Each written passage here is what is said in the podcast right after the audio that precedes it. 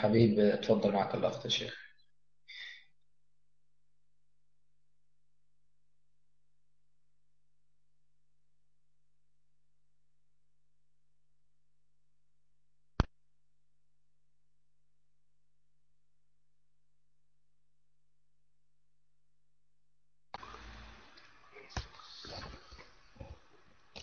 السلام عليكم ورحمة الله وبركاته.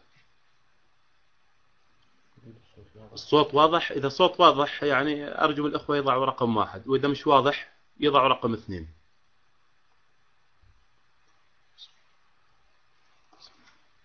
إن الحمد لله نحمده ونستعينه ونستهديه ونستنصره ونعوذ بالله من شرور أنفسنا ومن سيئات أعمالنا. من يهده الله فهو المهتد ومن يضلل فلن تجد له وليا مرشدا. وأشهد أن لا إله إلا الله وحده لا شريك له. وأشهد أن محمدا عبده ورسوله. أما بعد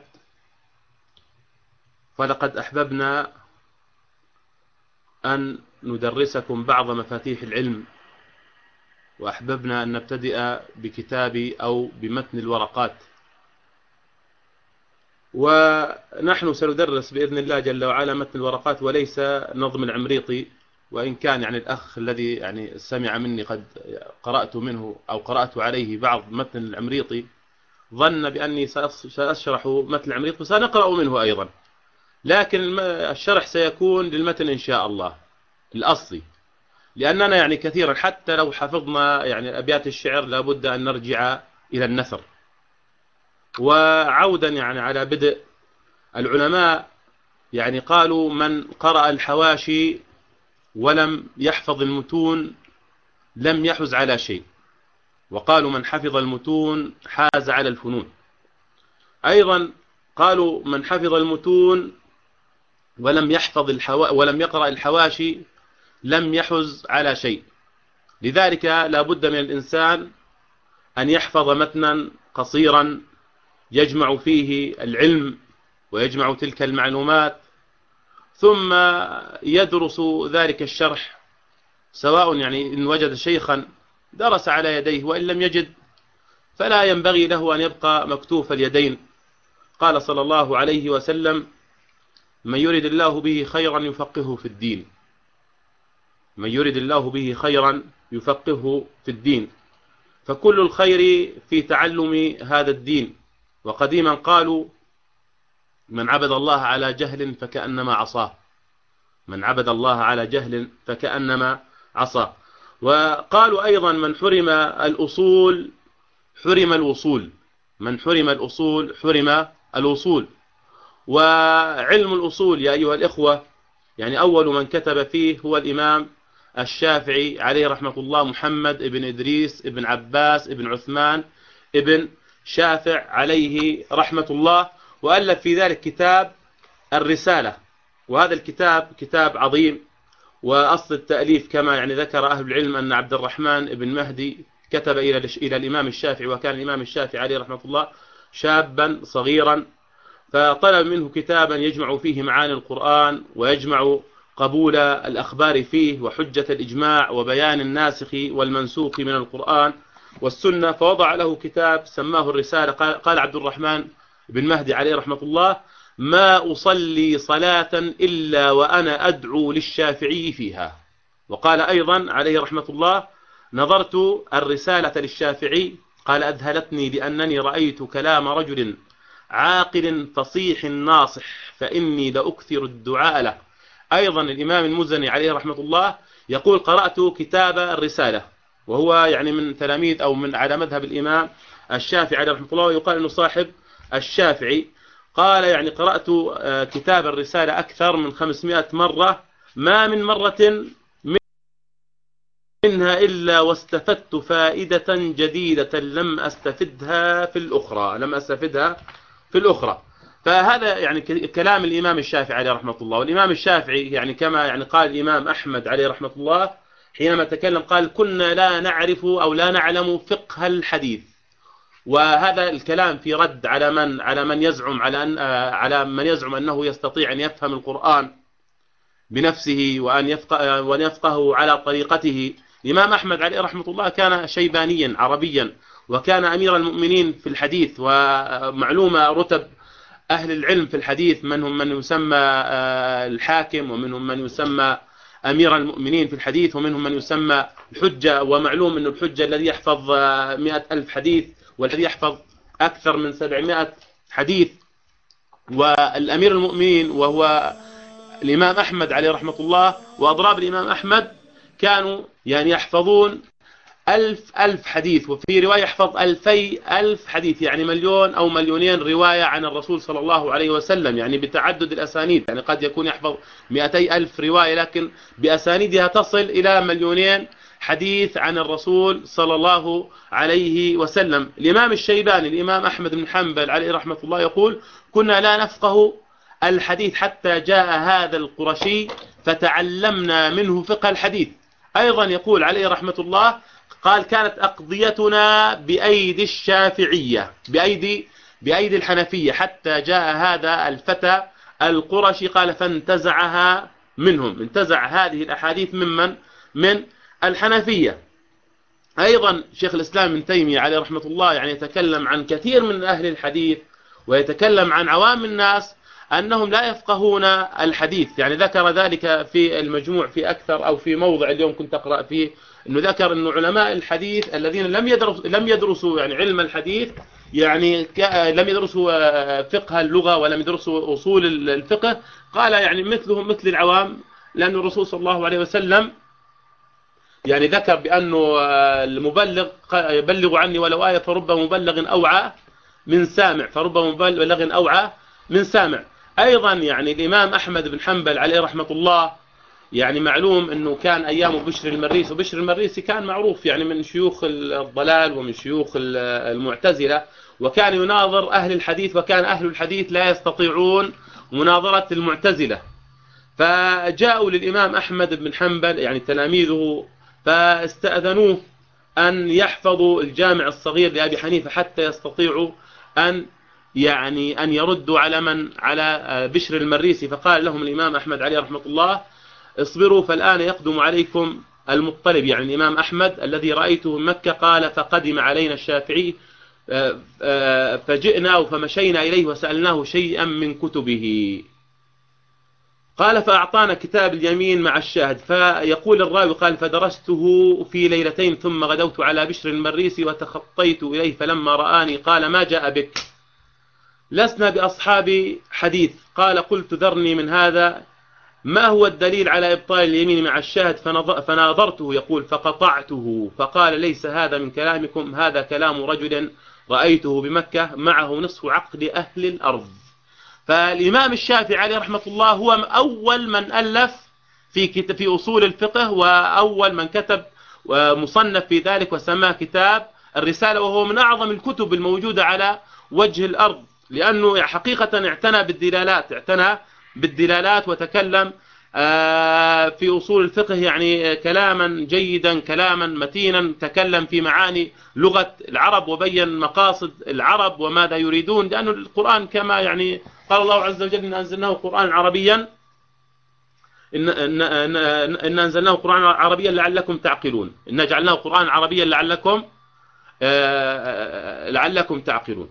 فالآن الإمام الشافعي عليه رحمة الله كان من أقحاح العرب كان من أقحاح العرب لكن لا يعني أن من كان قبل الإمام الشافعي عليه رحمة الله أنه لم يكن يعلم أصول الفقه ولم يعرف ولا, ولا يعرف كيف يستدل بكلام الرسول صلى الله عليه وسلم.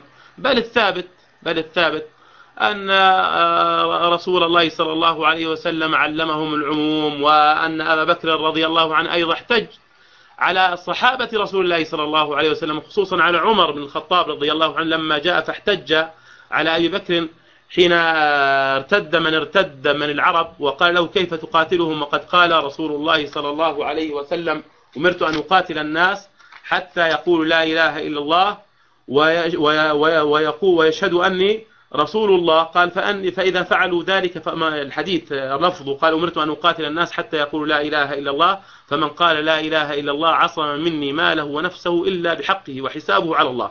قال أبو بكر لو قاتلن من فرق بين الصلاة والزكاة فإن الزكاة حق المال والله لو منعوني عناقا كانوا يؤدونها إلى رسول الله صلى الله عليه وسلم لقاتلتهم على منعه. وفي روايته ألم يقل إلا بحقه؟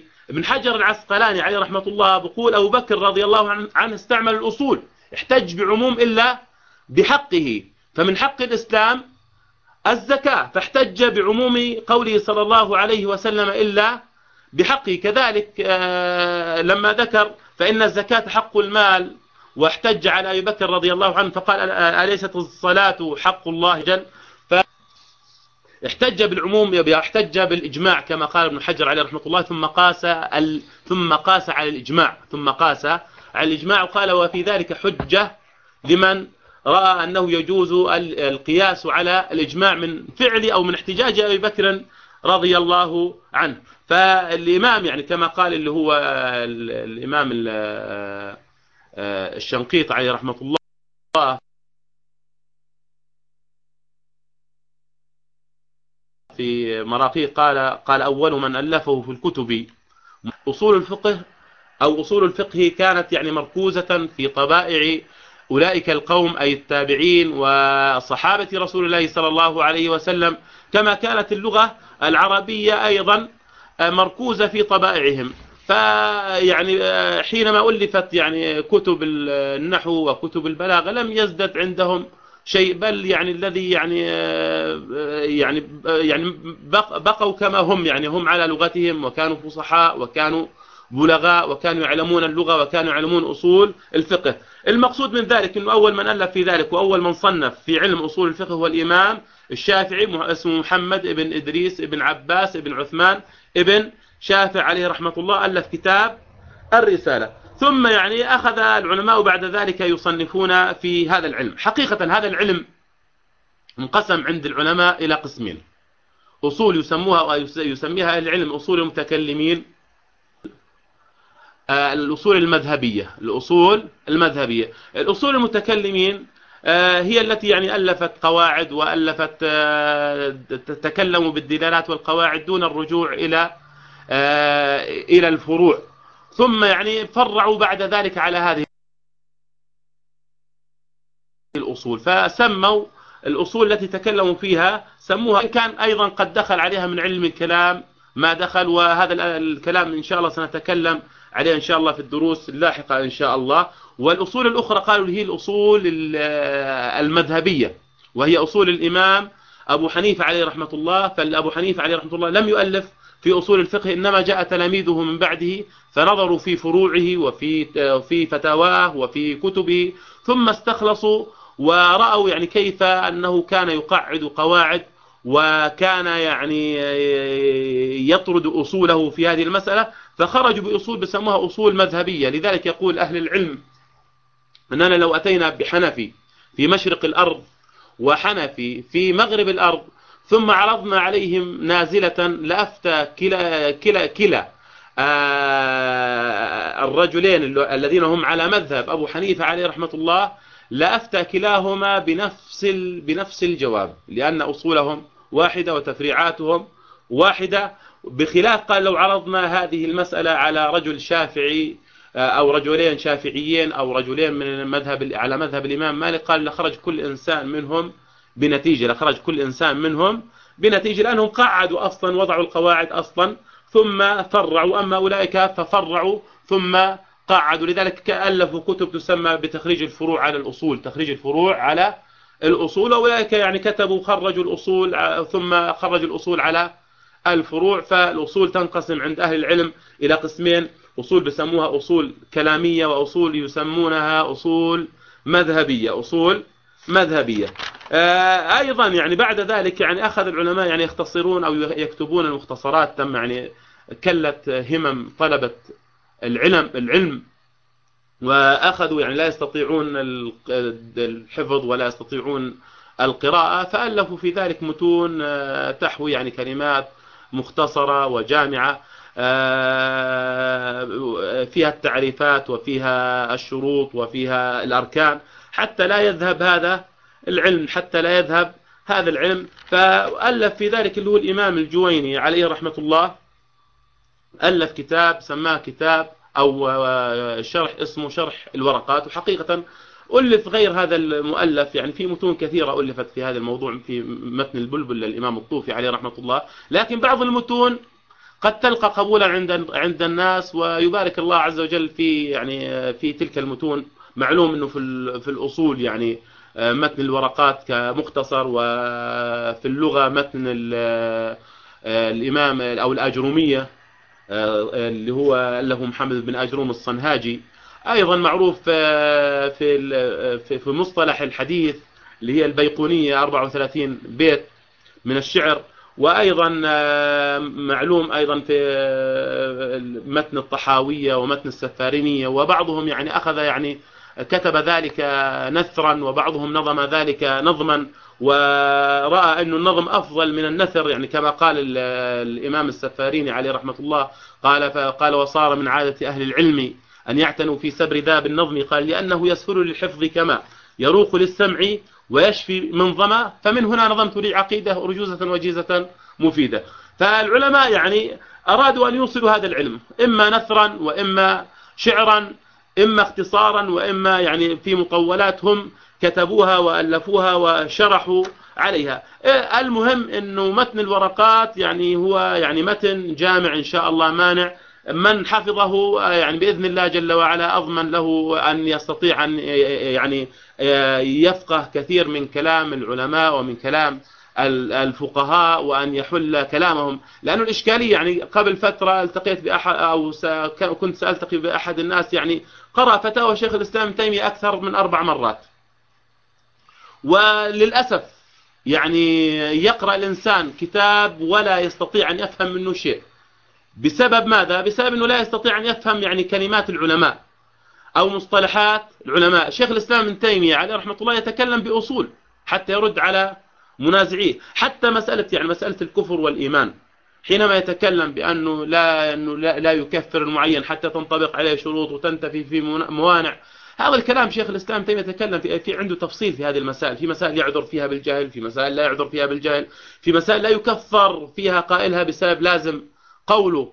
مثل ما مثل قول عليه رحمة الله من قال في نقل عن الأئمة من قال بأن الإيمان هو التصديق كفر ومن قال بأنه القرآن مخلوق كفر ومع ذلك لم يكفر.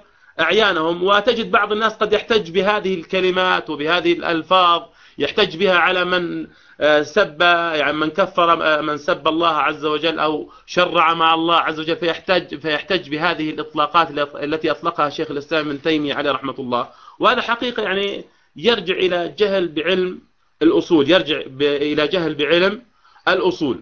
فالآن يعني لابد أن الإنسان يتعلم العلم الصحيح ويتعلم آه، مفاتيح العلم وقالوا يعني قديما آه، هذا العلم إن أعطيته بعضك لم يعطيك شيئا وإن أعطيته كلك أعطاك بعضه. وأيضا يقولون يعني كن في العلم كالإمام النووي أو نوويا في العلم. الإمام النووي عليه رحمة الله يعني قرأت له يعني قديما قال مكثت سنتين قال مكثت سنتين لم أضع جنبي على الأرض. إذا نمت فإنما أنام وأنا جالس. أنام وأنا جالس وكان من شدة فقره أنه اخضرت أو اخضر جلده من شدة فقره ومن شدة جوعه. وألف ما ألف حتى الإمام حتى أبو هريرة رضي الله عنه لما تكلم عن نفسه كيف يعني نال العلم؟ قال كنت أمكث اليوم واليومين والثلاثة لا أكل شيئا أطلب العلم.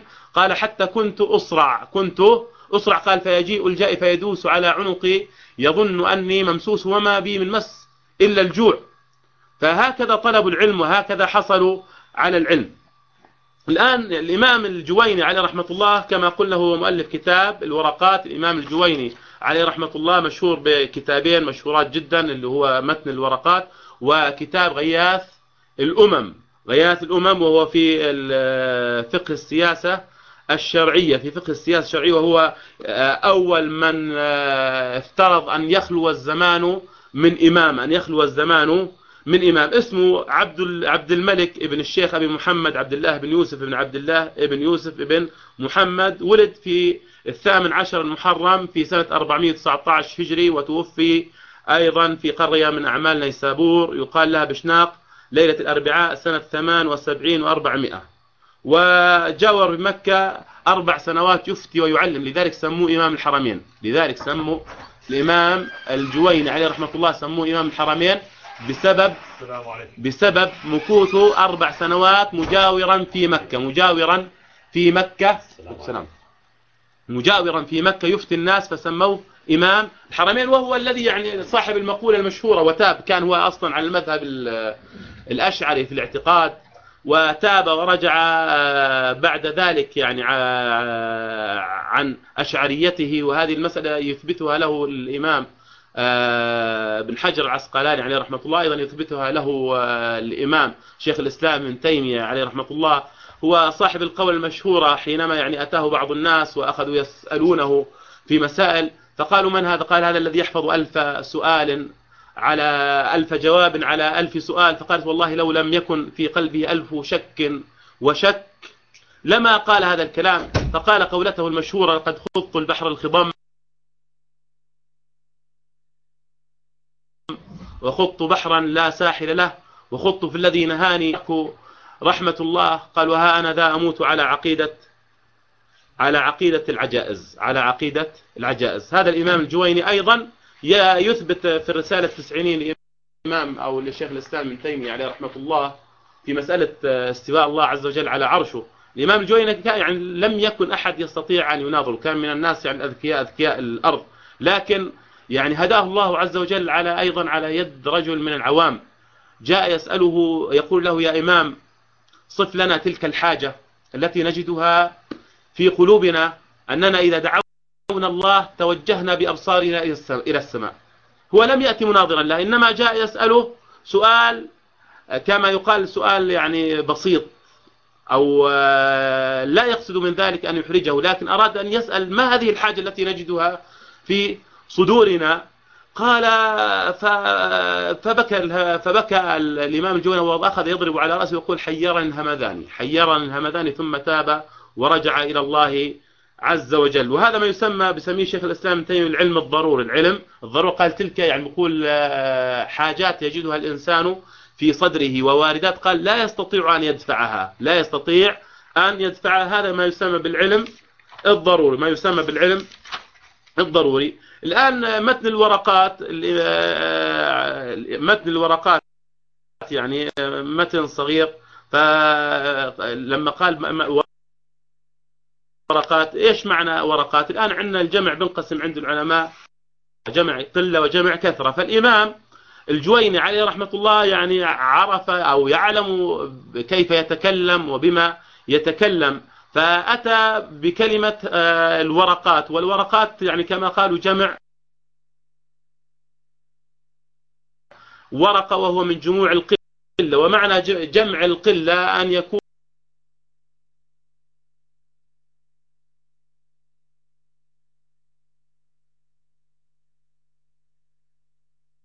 من اثنين. نعم.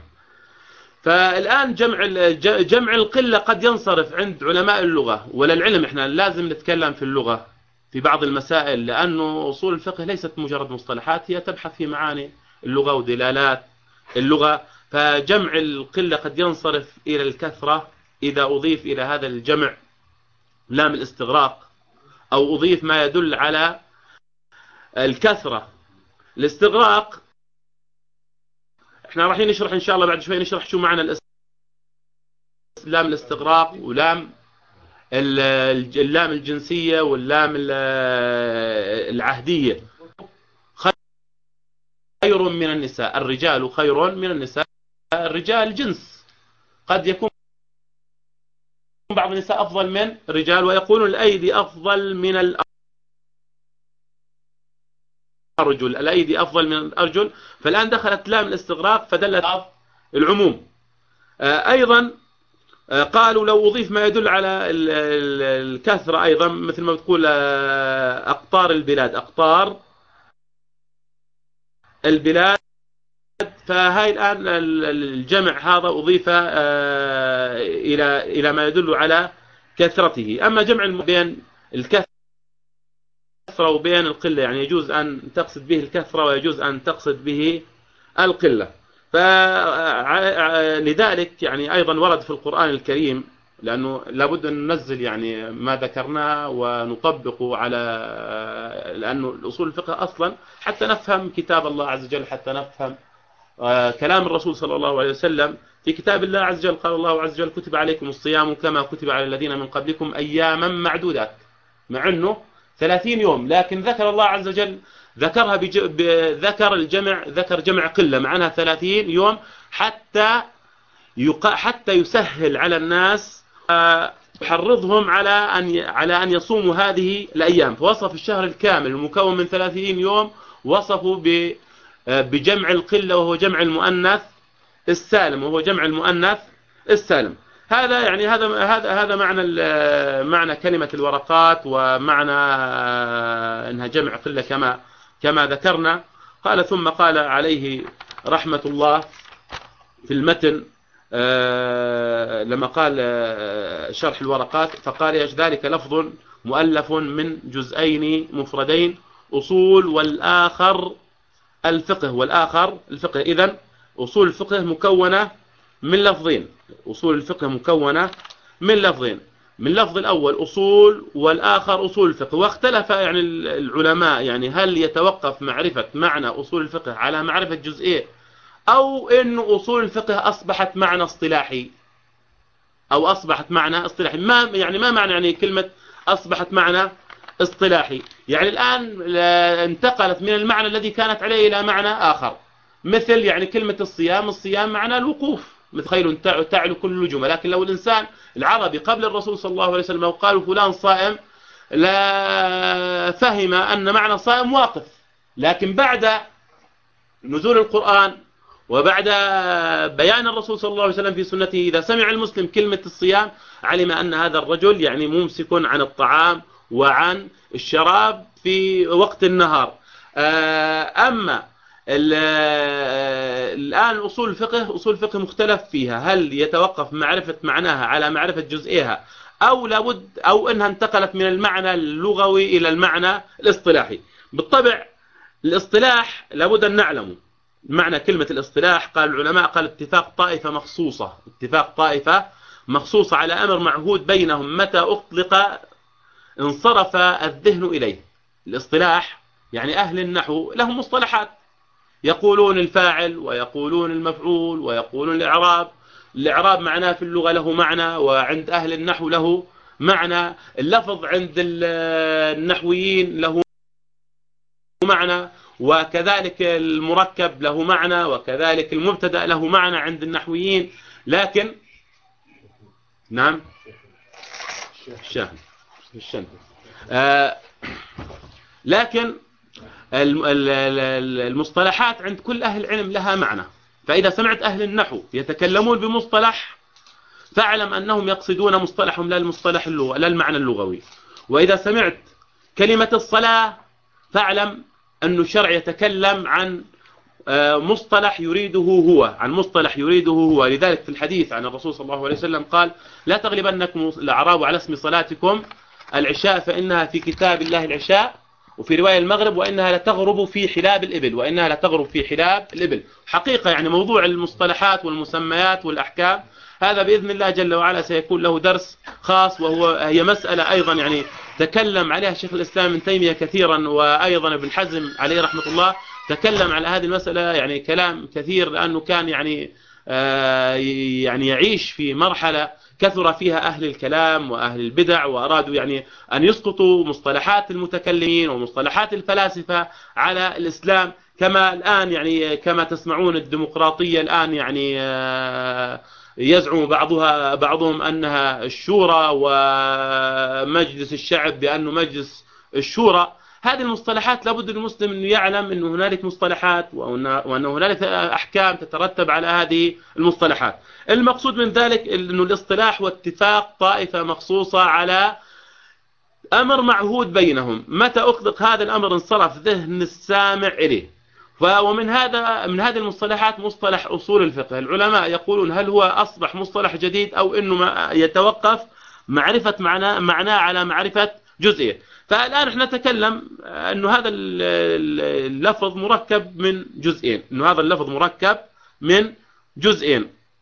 والتركيب عند العلماء غير التأليف التركيب غير التأليف. لكن إحنا نقول اللفظ هذا مؤلف وليس مركب من جزئين إنما هو مؤلف من جزئين وسمي التأليف تأليفا كما قال أهل العلم من حصول الألفة والتناسب بين الجزئين. بين الجزئين. قال فهو أخص من التركيب لأنه قد يتركب شيء مع شيء ومع ذلك لا يتجانس كلا الشيئين المركبين مع بعضهم. البعض فالتركيب أعم من التأليف والتأليف أخص. التأليف أخص لأنه في نوع من التآلف ومن التجانس من التآلف ومن التجانس. والتركيب عند العلماء أو التأليف يأتي مرة بمعنى التركيب كما بمعنى التركيب ويأتي أيضا بمعنى التأليف يأتي بمعنى التركيب ويأتي بمعنى التأليف. والآن يعني يقولون أصول الفقه أيضا إحنا قلنا لفظ مؤلف من جزئين مؤلف من جزئين.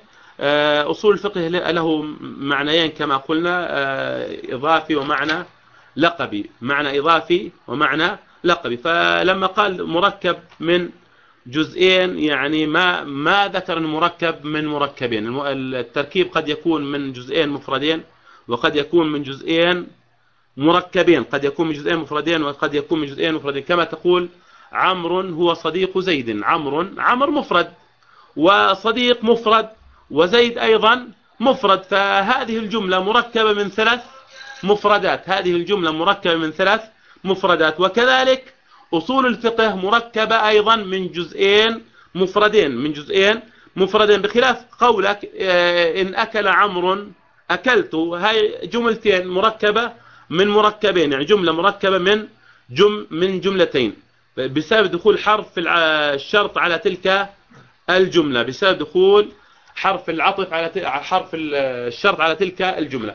فالأصل معناه قال فالأصل ما يبنى عليه غيره فالأصل ما يبنى عليه غيره. هذا أشهر التعريف بالنسبة لكلمة لكلمة الأصل وهو مشهور في كتب من؟ في كتب أهل العلم وكتب أهل الأصول. والأصل ينقسم عند العلماء. لكن قبل ما أقول عن الأصل مثل ما ذكر قال الأصل ما يبنى عليه غيره. حقيقة شيخ الإسلام من تيمية عليه رحمة الله برجح أنه الأصل ليس ما يبنى عليه غيره. قال وإنما الأصل ما يتفرع عنه غيره. الأصل ما يتفرع عنه غيره لأنهم هم يذكرون أن الشجرة أصل وأنه الفروع تبنى على لا الفروع لا تبنى أصلا على على أصل الشجرة إنما تتفرع عن أصل الشجرة. فلذلك يقول شيخ الإسلام ابن تيمية التعريف أن يقال لا يقال الأصل ما يبنى عليه غيره إنما الأصح أن يقال الأصل ما يتفرع عنه غيره. والأصل ما يتفرع عنه غيره. وهذا الأصل عند العلماء بنقسم لقسمين قسم حسي كأصل الجدار بالنسبة للبيت وكأصل الشجرة أيضا التي أصلها في الأرض وفرعها نابت في السماء. هذا أصل وكما ذكرنا يتفرع منه الفروع. والآن هذا يسمى يسمى أصل من أي من ناحية اللغة. من ناحية الاصطلاح فله عدة معاني. ففي الاصطلاح يطلق على الدليل الأصل. الأصل يقال الأصل في الأشياء الإباحة. الأصل في الأشياء الإباحة ويقال الأصل في آه، يعني الأصل مثلا إنه الكلام يمنى على مثلا على على الألفاظ الأصل كذا الأصل الأصل إنه الأصل في الأشياء الإباحة الأصل إنه لا ضرر ولا ضرار. فهذا الأصل يطلق على القاعدة الكلية الأصل يطلق على القاعدة الكلية. في آه، المقابل بالنسبة للأصل أيضا يطلق الأصل أيضا على الراجح. بتقول أصل في المسألة مثلا الجواز. إذا سألك مثلا عن مسألة أنه هل آه، يجوز أن أقصر في في السفر فبتقول الأصل آه، الجواز. يعني ما معنى الأصل الجواز؟ الراجح في ذلك الجواز. فيطلق الأصل في التعريف إما على الدليل وإما أن يطلق على القاعدة وإما أن يطلق على الراجح. الآن لما ذكر الأصل ذكر الفرع قال الفرع ما يبنى عليه غيره. والآن يعني حسب ما ذكرنا من كلام شيخ الإسلام ابن تيمية عليه رحمة الله أنه الأصل ما يتفرع عنه غيره. الفرع ما تفرع عن غيره.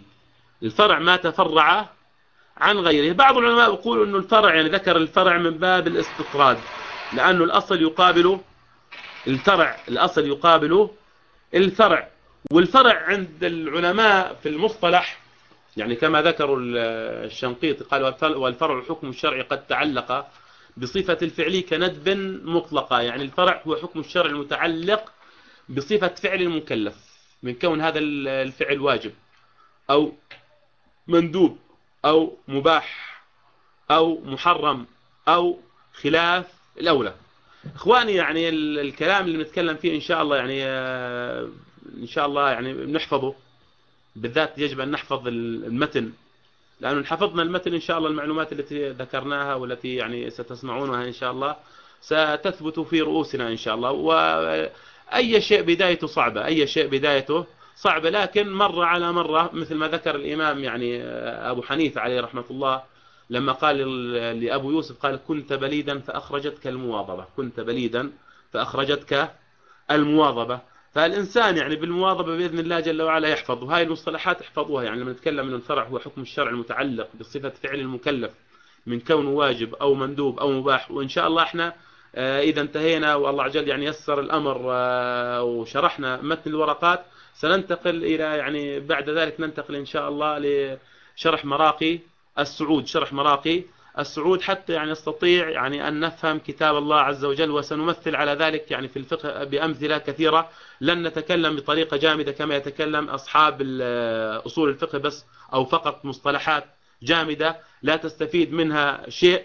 إنما إن شاء الله سننزل تلك القواعد على الفروع ونتعلم ونتفقه بإذن الله جل وعلا في دين الله جل وعلا حتى نستفيد بعد ذي بدء ونفيد. المسلمين وحتى نرد شبه آه، أصحاب الضلال ونخرسهم وندافع عن الإسلام فكلنا على ثغرة على ثغرة من هذا الدين. الآن قال والفقه معرفة الأحكام الشرعية التي طريقها الاجتهاد. الفقه معرفة الأحكام الشرعية التي طريقها الاجتهاد.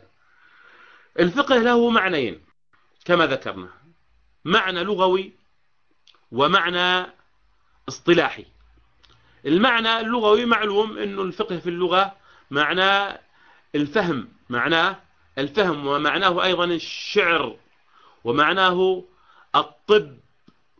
قال الله عز وجل يعني وهم لا يفهمون وهم لا يفهمون يفهمون. ثم يعني العرف أخذ يعني جعل الطب له معنى وجعل الفقه له معنى انتقل المعنى من المعنى اللغوي إلى المعنى الشرعي إلى المعنى آه، العرفي. فالفقه في اللغة معناه الفهم قال الله عز وجل فلولا نفر من كل فرقة طائفة منهم ليتفقهوا في الدين أي ليتعلموا هذا الدين. وقال الله عز وجل أيضا قال فما لهؤلاء القوم لا يكادون يفقهون حديثا أي يفهمون ويعلمون حديثا. وقال الله عز وجل آه، على لسان قوم شعيب قالوا يا شعيب ما نفقه كثيرا مما تقول يعني ما نفهم كثيرا مما تقول. إذا معنى الفقه في اللغة معناه الفهم. ولذلك قال صلى الله عليه وسلم في الحديث والحديث رواه ابن عباس قال من يريد الله به خيرا يفقهه في الدين. من يريد الله به خيرا يفقهه في الدين. ولا تزال طائفة من أمتي ظاهرين على الحق لا يضرهم من خذلهم ولا من نواهم. وكأن الرسول صلى الله عليه وسلم يعني أراد أن يبين أن صفة الطائفة المنصورة في آخر الزمان الفقه في الدين. لأنه إذا الإنسان تعلم قل الخلاف. يقول شيخ الإسلام ابن تيمية عليه رحمة الله آه، في كلام عن أهل البدع قال كلما ابتعد الناس عن آثار الرسالة يعني ابتعدوا عن العلم قال زاد خلافهم. لذلك تجد آه، آه، المعتزلة متفرقين شعب وأحزاب وتيارات وتجد كذلك الجهمية وتجد كذلك القدرية كلهم متفرقون. دينهم كله يعني متفرق في شيع لكن كلما تفقه الإنسان الطائفة المنصورة حتى تتوحد وحتى ترجع إلى كتاب الله عز وجل وسنة الرسول صلى الله عليه وسلم لابد أن تتعلم لأنه فاقد الشيء لا يعطيه فاقد الشيء لا يعطيه. فكما قلنا أنه من عبد الله عز وجل على جهل فكأنما عصاه. لذلك الرسول صلى الله عليه وسلم قال من يرد الله به خيرا يفقهه في الدين أي يعلمه في الدين وفي دعائه لابن عباس رضي الله عنه اللهم فقهه في الدين. اللهم فقهه في الدين يعني اللهم فهمه اللهم علمه في الدين. وقالوا يعني بعض أهل العلم يعني قالوا يعني هو الإمام أظن اللي هو الإمام القرافي عليه رحمة الله بقول بنقل عن الشيرازي أنه الفقه هو في الأمور الدقيقة. أما الفهم في الأمور العامة فيقولون يعني لا يقولون علمت السماء. علمت السماء إنما يعني فقهت السماء يعني فقهت فقهت شيئا يعني فقهت شيئا أو عرفت المعرفة قصدي يعني المعرفة المعرفة والفقه المعرفة والفقه المعرفة آه، تكون في الأمور العامة والفقه يكون في الأمور الدقيقة والفقه يكون في الأمور الدقيقة. أيضا العلماء في اللغة يفرقون بين كلمة فقه وكلمة آه، فقه وكلمة آه، فقه فالفقه في في اللغة معناه تقول فقه يعني فهم فقه معناها فهم. الآن تقول فقه فلان يعني فهم. وإذا ذكرت قلت فقه فلان يعني سبق غيره في العلم سبق غيره في العلم. وإذا قلت فقه فلان يعني أصبح الفقه سجية له كما يعني يفرقون من باب الفائدة. الآن تقول وضوء ووضوء. تقول رأيت وضوء فلان. وتقول رأيت وضوء فلان. ما الفرق بين الكلمتين؟ رأيت وضوء فلان ورأيت وضوء فلان. رأيت وضوء فلان يعني رأيت فعله وهو, كي وهو يتوضأ. أما رأيت وضوء فلان يعني رأيت الماء الذي سيتوضأ فيه. يعني لم أرى فعله إنما رأيت ماء الماء الذي سيتوضأ فيه. وكذلك قالوا الغسل والغسل. ففي فرق عند في لغة العرب يعني كلمة آه، لغة واسعة وكل كلمة لها مدلول وتوضع تلك الكلمات. كل كلمة توضع في محلها. لما يقال فقه كما قلنا يعني أي فهم وفقه معناها سبق غيره. بالفهم وفقه أصبح الفقه سجية له أصبح الفقه سجية له. فالفقه في اللغة كما ذكرنا معناه الفهم وذكرنا في ذلك آيات وذكرنا في ذلك أحاديث. أما في الاصطلاح ونعود ونذكر أن الاصطلاح آه، اتفاق طائفة مخصوصة على تسمية معينة مات أطلقت انطلق ذهن السامع إليها. فالفقه الآن عند العلماء مخصوص فقط بمعرفة الأحكام الشرعية التي طريقها الاجتهاد. عالما بالطب لا يسمى في لغة الشرع لا يسمى فقيها ولا من كان عالم بالقوانين الوضعية لا يسمى فقيها وإن كانوا يسمونه فقيه لا يسمى فقيه. كذلك من كان يعني يعلم في الحياكة لا يسمى فقيها إنما كما قلنا يسمى الفقيه فقيها إذا كان عالما بالأحكام الشرعية التي طريقها الاجتهاد. والآن هو عرف قال هو معرفة الأحكام معرفة الأحكام. المعرفة هنا مقصود فيها العلم يعني المعرفة يعني معناها العلم بالأحكام الشرعية. لكن أورد بعض العلماء على كلمة معرفة الأحكام أنها بمعنى العلم. قال كيف يكون يعني الفقه علما وهو يبحث في المضمونات؟ كيف يكون الفقه علما وهو يبحث في المضمونات؟ يعني لأنه قسم العلماء قسموا العلم لقسمين أحكام قطعية وأحكام ظنية. فقالوا كيف يكون يعني فقها وهو في المضمونات؟ أوردوا هذا السؤال. فاعترضوا على هذا التعريف للفائدة يعني المصطلحات كلها يعني هي تقريب للمعنى هي تقريب للمعنى وليست يعني تحده حدا يعني الحد إن شاء الله سنتكلم أيضا عليه في الدرس اللاحق إن شاء الله. سنتكلم عن التعريف الحقيقي الحد الحقيقي والحد الرسمي والحد اللغوي. لكن نقول كما قال شيخ الإسلام ابن تيمية عليه رحمة الله قال لم لم يسلم لأهل حد حد.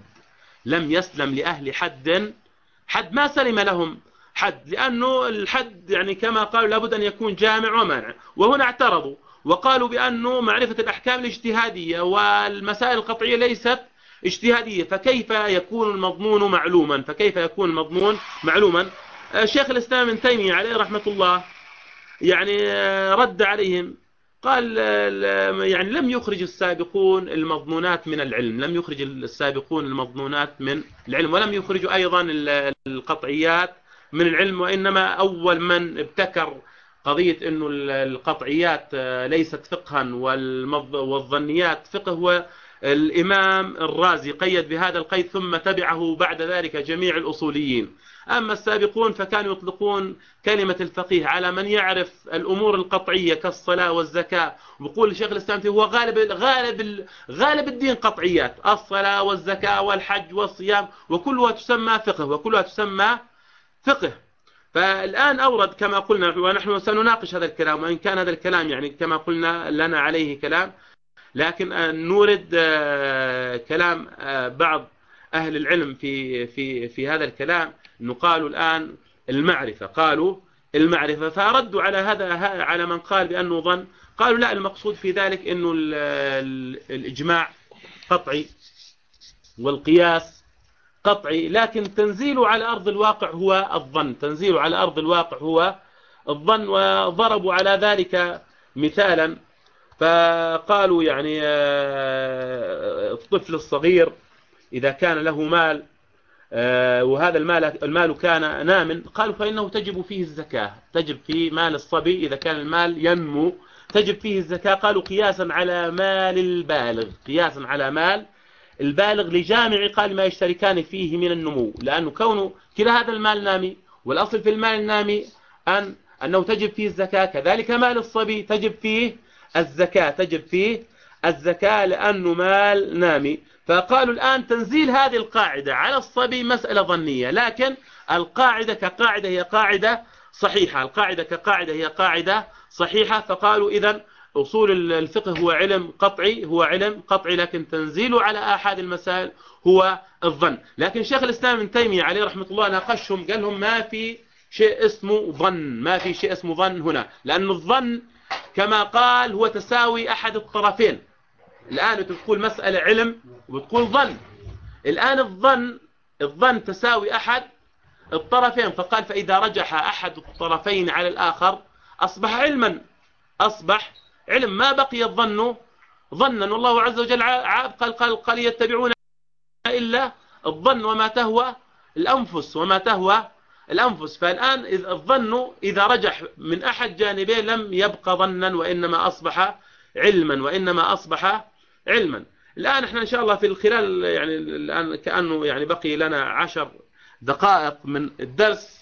سنوضح يعني كلام للعلماء ومسألة مفيدة جدا يعني. الآن قالوا الكلمة معرفة الأحكام معرفة الأحكام. هل ما يعني لا هل يعد الفقيه فقيه إذا علم كل الأحكام أو علم بعض تلك الأحكام؟ فقالوا هاي الأل الداخلة الأل الداخلة على الأحكام. هل هي الأل الاستغراقية أو الأل العهدية أو الأل الجنسية؟ نحن لماذا نذكر هذا الكلام؟ نذكر هذا الكلام إن شاء الله حتى حتى نتدرب. نعطيكم مثال للأل العهدية. الأل العهدية أن يكون هنالك معهود سابق عند المتكلمين أو عند السامعين.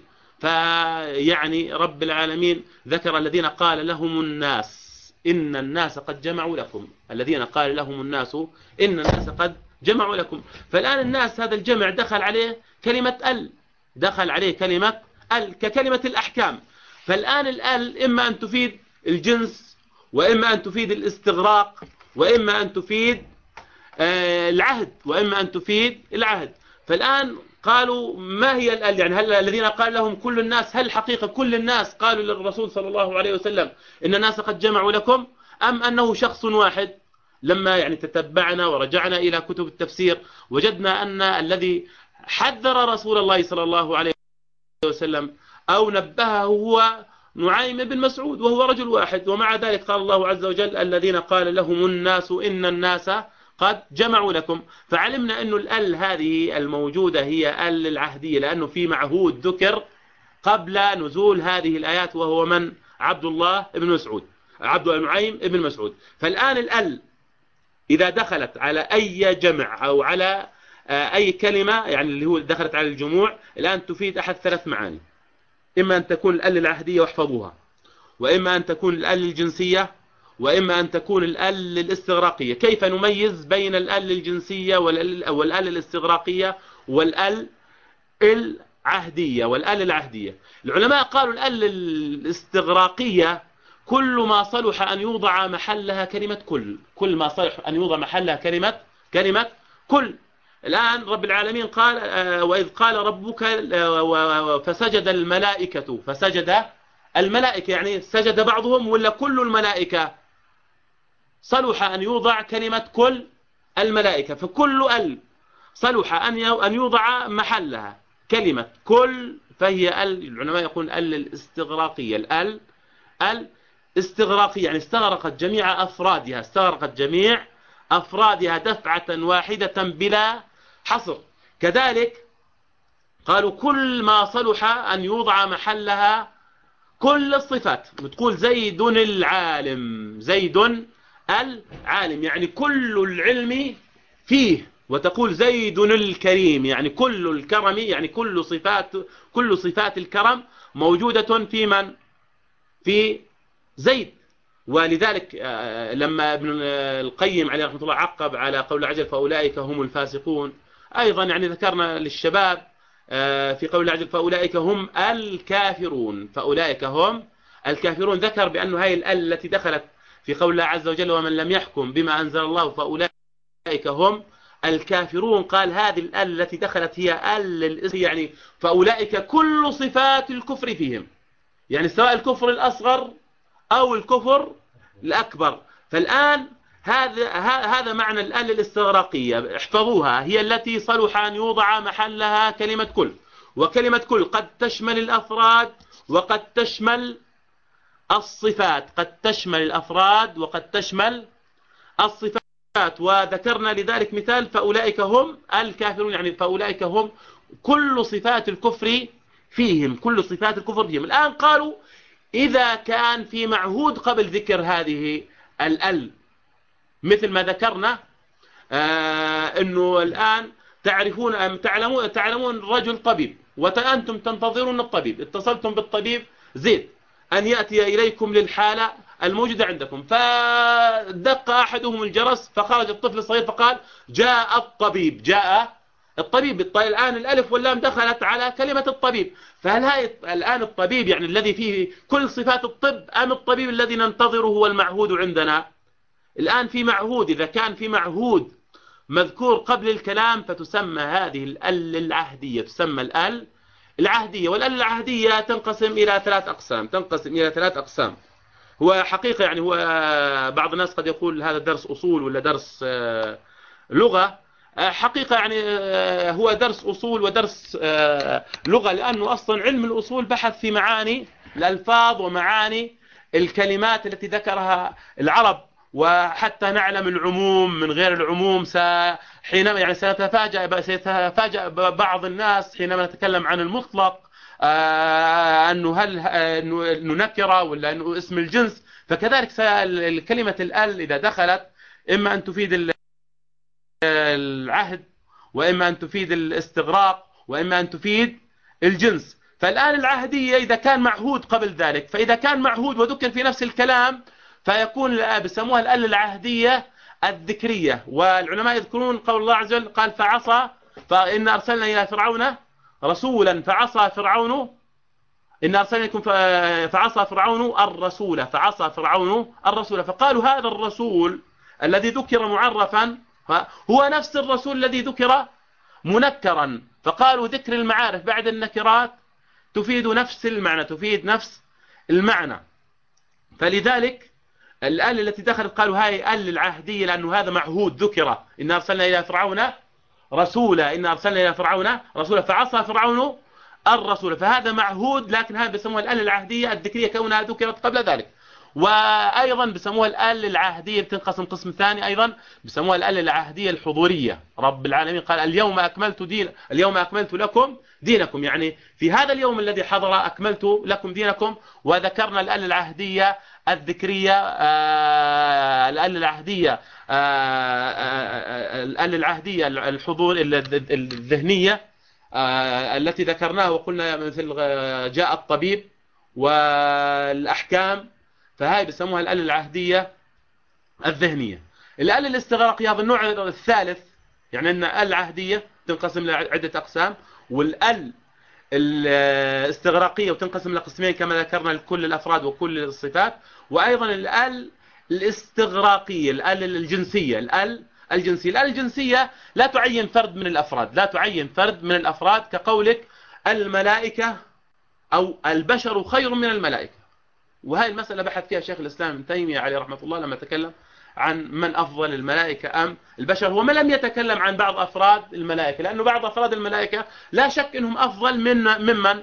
من كثير من أفراد البشر من كثير من أفراد البشر. لكن جنس البشر كجنس البشر أفضل من جنس الملائكة. كذلك تقول الرجال خير من النساء. الرجال يعني جنس الرجال. ومعلوم أنه بعض النساء خير من من كثير من الرجال خير من كثير من الرجال فهذه الآل بسموها الآل الجنسيه الآل الجنسية. شرحنا لكم معنى يعني الآل الجنسيه والآل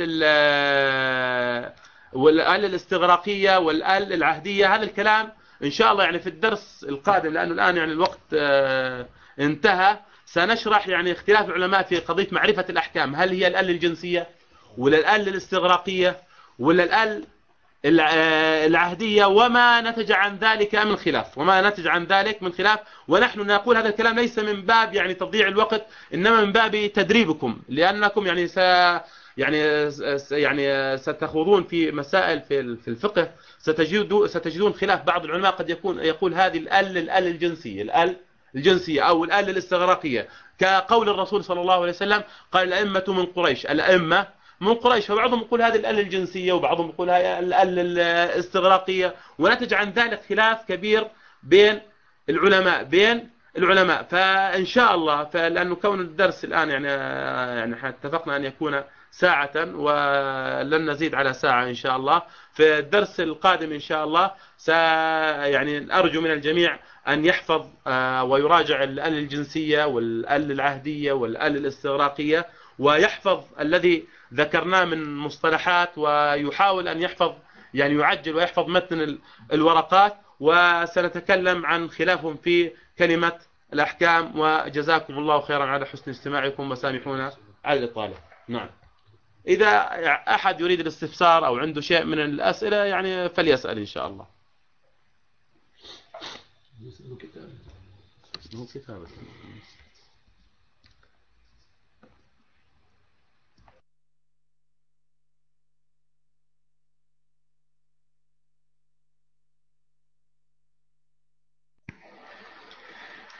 بارك الله فيكم يا شيخ جزاك الله كل خير. نسأل الله أن يكون ما تقدمه في ميزان حسناتك إن شاء الله. في بعض الأسئلة يا شيخ وردت يعني. أطرحها على على فضيلتكم يعني وتجاوبنا إن شاء الله. السؤال يقول ما معنى أن الأصل في الأشياء الإباحة وفي الدين التوقف؟ وهل لفظ في الدين التوقف لفظ جائز أم لا يوجد لهذا اللفظ معنى؟ آه، هذا السؤال يا شيخ آه، تفضل معكم اللقطة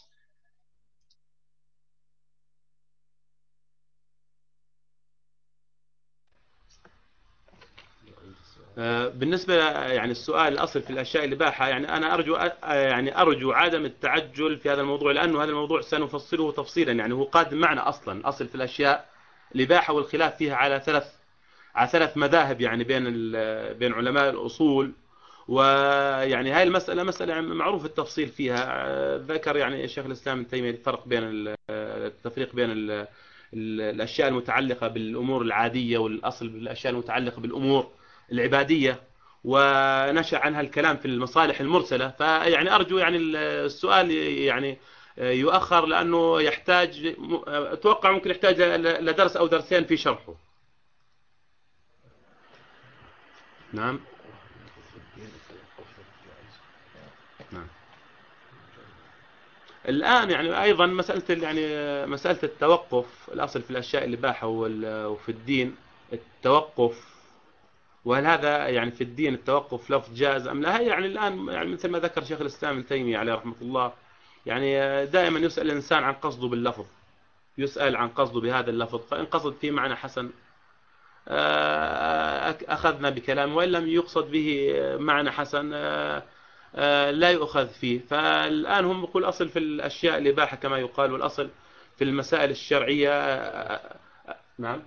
الأصل في الم... اللي هي المسائل الشرعية والعبادات الأصل التوقف أو التوقيف كما يقول بعض أهل العلم اللفظة ما فيها شيء إن شاء الله بإذن الله جل وعلا.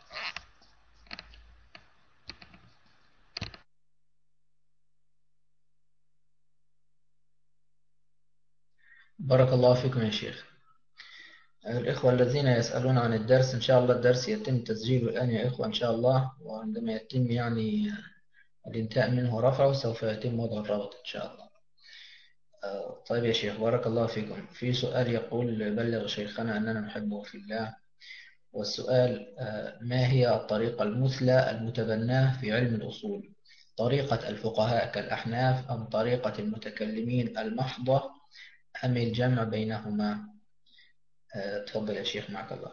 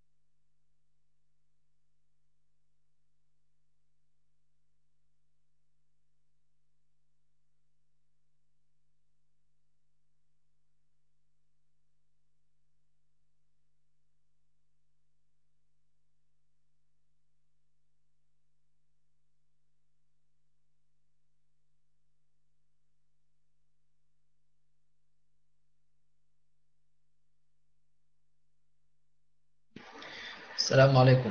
آه، تفضل يا شيخ معكم اللقط السؤال يقول آه، ما هي الطريقة المثلى المتبنى في علم الأصول؟ طريقة الفقهاء كالأحناف أم طريقة المتكلمين المحضة أم الجمع بينهم بينهما؟ آه، تفضل يا شيخ معك اللقط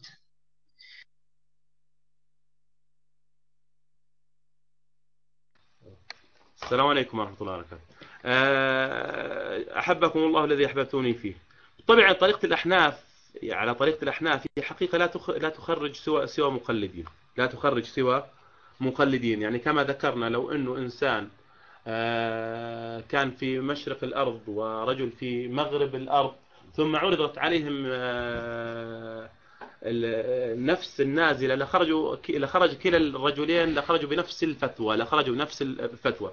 لكن طريقة المتكلمين اللي هو طريقة الإمام الشافعي عليه رحمة الله وطريقة المالكية وطريقة الحنابلة هم لا يتقيدون بمذهب شيخ من المشايخ إنما ينظرون في مسائل اللغة ودلالات اللغة العربية ثم بعد ذلك يعني ما ترجح عندهم يفرعون على هذا التفريع. لكن معرفة أصول الفقه لوحدها لا تنفع. معرفة أصول الفقه لوحدها لا تنفع. نحن نقول بعد دراسة آه، أصول الفقه وأصول الفقه يعني العلماء يسموه هو اللغة العربية يسمونها مفاتيح العلم يسمونها مفاتيح العلم. يعني ما في إنسان أصلا يستطيع أن يدخل بيت من غير يعني أن يكون معه مفتاح حتى يدخل هذا البيت. يعني قلنا أن السابقين كانوا لا يحتاجون إلى تعلم أصول الفقه لأنهم كانوا عرب لأنهم كانوا عرب. لكن لما كثر العاجم ودخل في الإسلام من ليس فيه زاد الجدال ودخل علم المنطق على على على العرب وعلى المسلمين.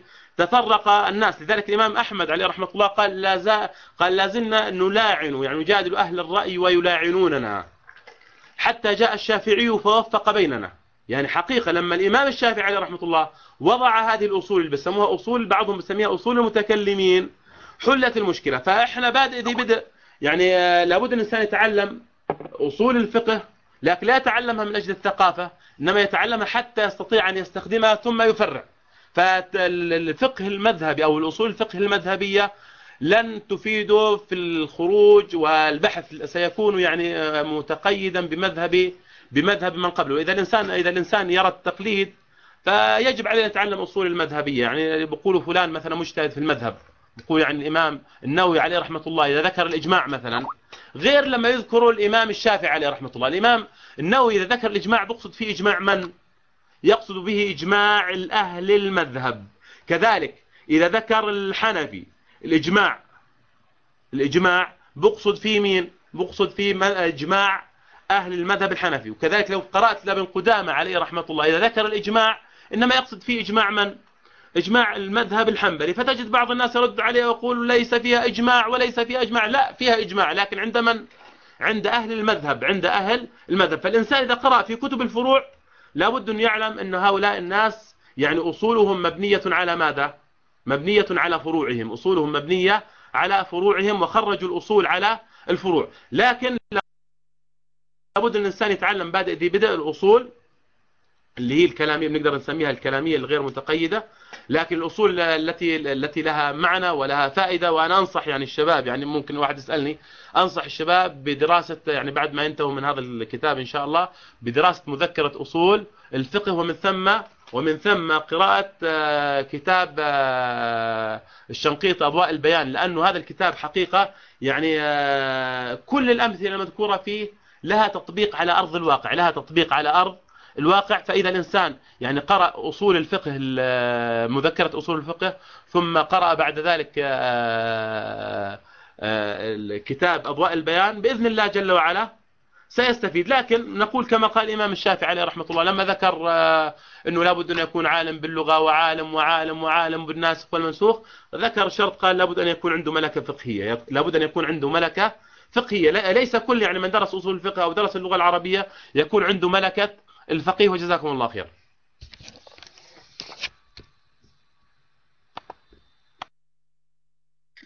وإياكم شيخنا بارك الله فيك.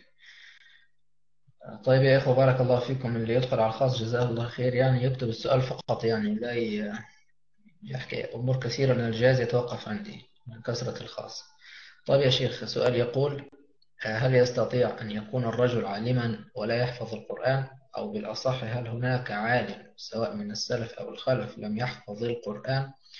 وهل العالم هو من يستنبط الأحكام؟ أم فقط يشترط أن يكون عالما بأمور دينه؟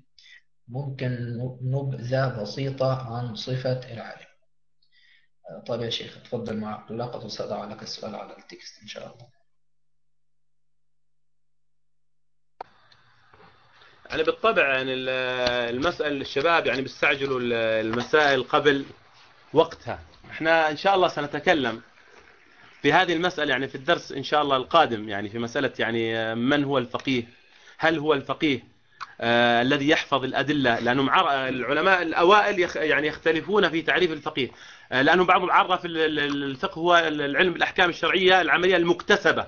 يعني كان المتأخرين يسمون الفقيه الذي يحفظ متن من المتون أو يحفظ فقه آه لإمام معين. وأما السابقون فلم يكونوا يعني يشترطون الحفظ إنما كانوا يشترطون الفهم والقدرة على الاستنباط مثل ما قال يعني الإمام آه، الشنقيط عليه رحمة الله لما قال قالوا الفقه هو العلم بالأحكام للشرع والفعل نماها النامي قال أدلة التفصيل منها مكتسب أدلة التفصيل منها مكتسب. الفقيه عند السابقين عند المتأخرين هو الذي يحفظ متنا هو الذي يحفظ متنا هو الذي يحفظ القرآن ويحفظ السنة. وقال والفقه هو قال أدلة التفصيل منها مكتسب قال والعلم بالصلاح فيما قد ذهب. يعني السابقين هم الذين عندهم الرجل الذي يستطيع أن يستنبط الأحكام الشرعية ولو لم تكن قد مرت عليه قبل ذلك. بمجرد عرض هذه المسألة عليه يستطيع أن يستنبط هذه المسألة. وأضرب لذلك مثال يعني الرياضيات وعلم الأصول هو كعلم الرياضيات. آه، بعض التلاميذ قد يحفظ البراهين ويحفظ ويحفظ ويحفظ وفي يوم الامتحان يأتي سؤال خلاف الذي حفظه فلا يستطيع أن يجيب على ذلك السؤال بخلاف آه، تلميذ. فهم القاعدة وفهم البرهان. وفهم الدليل ثم أوتي له في اليوم الآخر بسؤال ليس موجودا في الكتب ولم يشرحه له آه، أستاذ الرياضيات فيستطيع أن يست... يعني يرد أو يجيب, أو يجيب عن هذا السؤال. فلذلك قالوا الفقه قالوا العلم بالصلاح يعني قالوا من كان متهيئا وعنده الصلاحية والتهيؤ للاستنباط قال والعلم بالصلاح فيما قد ذهب قال فالكل من أهل المناحي الأربعة يقول لا أدري فكن متبعا. يعني ولا يضره أن لا تمر عليه المسألة. قال لا أدري فكن متبعا. ولذلك مر على الإمام أحمد عليه رحمة الله. الإمام آه، مالك عرضت عليه في رواية 38 مسألة. فقال في في أجاب على أربع وقال في 36 قال لا أدري وفي رواية عرض عليه 32 42 مسألة. فأجاب على أربع أو على ست. والباقي قال فيها لا أدري. ما ضره أن يقول لا أدري. وكذلك يعني الإمام أبو حنيفة عليه رحمة الله قال في ست مسائل لا أدري. وقال والله وسألوا ورجل الإمام الشافعي عليه رحمة الله أظن في قضية الخنثى قال والله لا أدري. والله لا أدري. لكن آه، آه، الأصل في الإنسان يعني الذي يريد أن يكون آه، عالم أو طالب علم أول شيء يحفظ القرآن لنفسه ما مش من أجل أنه يناظر الناس. يحفظ قال لابد أن يكون حافظ لكتاب الله. قالوا إن لم يكن حافظا لكتاب الله قالوا يستطيع يجب عليه أن يستحضر آيات الأحكام. يعني في ناس قد تسأل لا لا يحفظ كتاب الله عز وجل لكن إن سئل في آيات الأحكام يستطيع أن يرجع إلى أي آية من آيات الأحكام. كذلك في أحاديث الأحكام. والعلماء ألفوا في أحاديث الأحكام. فقالوا إن لم يكن حافظا لها لا بد أن يكون ممن يستطيع أن يرجع إليها في أي لحظة من اللحظات. هذا والله أعلم.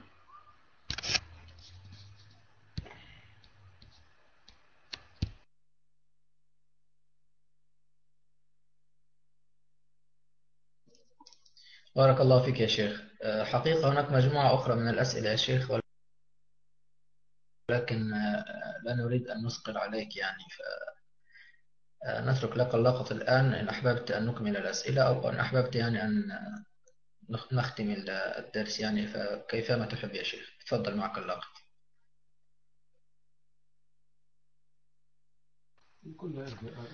حقيقة يعني أقول للجميع أنه جميع هذه الأسئلة التي يعني في بالهم وفي وجدانهم سيأتي الجواب عليها.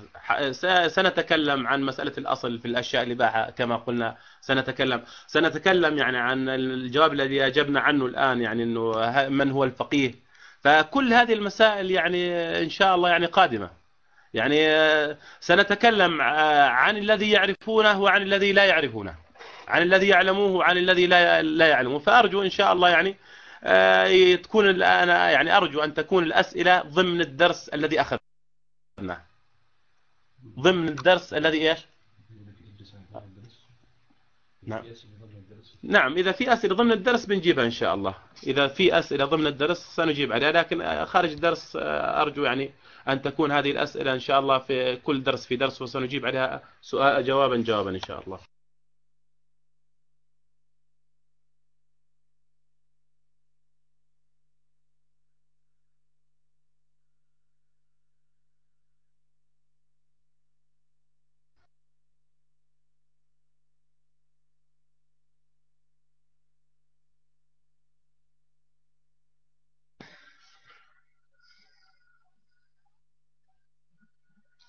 طيب يا شيخ بارك الله فيك. حقيقة هناك مجموعة أسئلة ولكن متداخلة يعني. هناك من داخل الدرس وهناك من تكون خارجه يعني. بارك الله فيك عموما يا شيخ. ونحن إن شاء الله سوف الإخوة أسئلتكم يا إخوة إن شاء الله سوف يعني نرتبها إن شاء الله وتكون في في مواعيدها يعني. كلما الشيخ يطرح نقطة سوف نضع له الأسئلة التي تكون متوافقة مع مع الدرس إن شاء الله. آه، طيب شيخنا الحبيب يعني بارك الله فيك وجزاك الله كل خير على على ما تقدمه يعني. إن شاء الله يا إخوة آه، الدرس الثاني إن شاء الله من شرح آه، متن الورقات سوف يكون إن شاء الله يوم الأحد في نفس الموعد إن شاء الله الساعة التاسعة والنصف. بتوقيت مكة المكرمة. طيب شيخنا الحبيب تريد أن تضيف شيء يعني ولا؟ يكون تابع هذه هذه الصورة يعني. يعني أترك لك اللقطة الشيخ وكيفما تحب يعني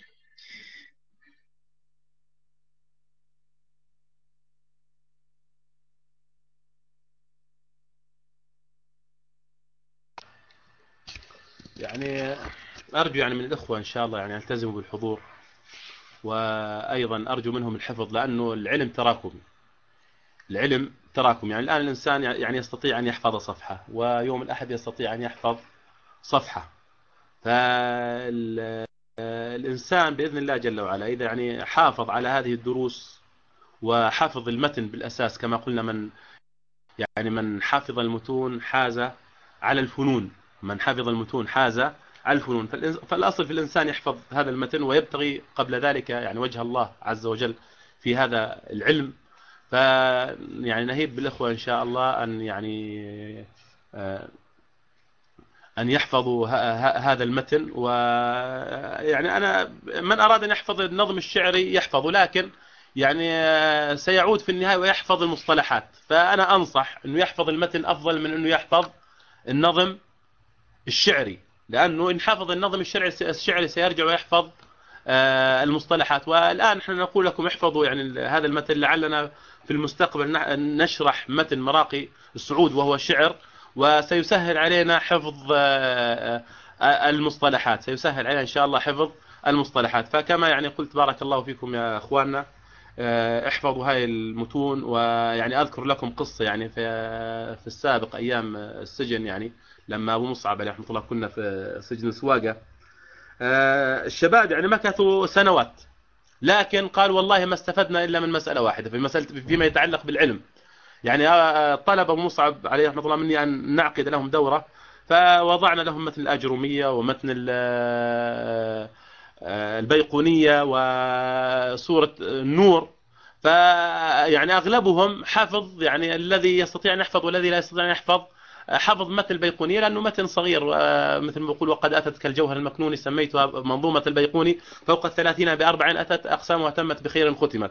فلما حفظوا ذلك يعني استفادوا منه استفادة عظيمة. حتى قبل فترة لقيت بعض الناس وهذا الكلام في الخمس وتسعين فقال والله لازلنا نحفظ تلك المعلومات.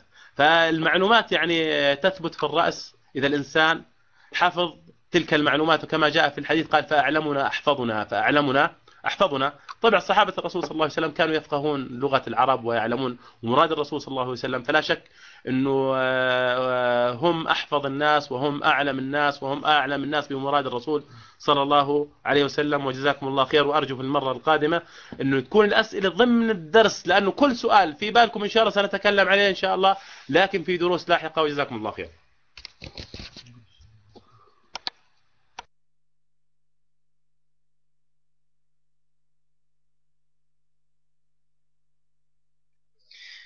جزاك الله خير يا شيخ بارك الله فيك. أسأل الله أن ينفع بكم وبعلمكم إن شاء الله. آه، طيب يا إخوة آه، شكرا عنكم التنقيط. آه، إن شاء الله يا إخوة نذكركم يعني الدرس سوف يكون يوم الأحد إن شاء الله في تمام الساعة التاسعة ونصف بتوقيت مكة المكرمة. درس اليوم إن شاء الله الإخوة يعني قاموا بتسجيله. يعني سوف يقومون فقط بعمل المونتاج ورفعه على المواقع وسوف يوضع لكم الرابط إن شاء الله في أقرب فرصة للإخوة الذين يعني دخلوا متأخرين. المتن يا إخواني وضعنا لكم الرابط يعني أكثر من مرة نضع لكم مرة أخرى إن شاء الله. يعني تراجعوه وتكونوا متابعين مع الشيخ وتكون الأسئلة يعني في في محلها يعني. بارك الله فيكم على حسن الاستماع والمتابعة. جزاكم الله كل خير. طيب بارك الله فيك أخونا.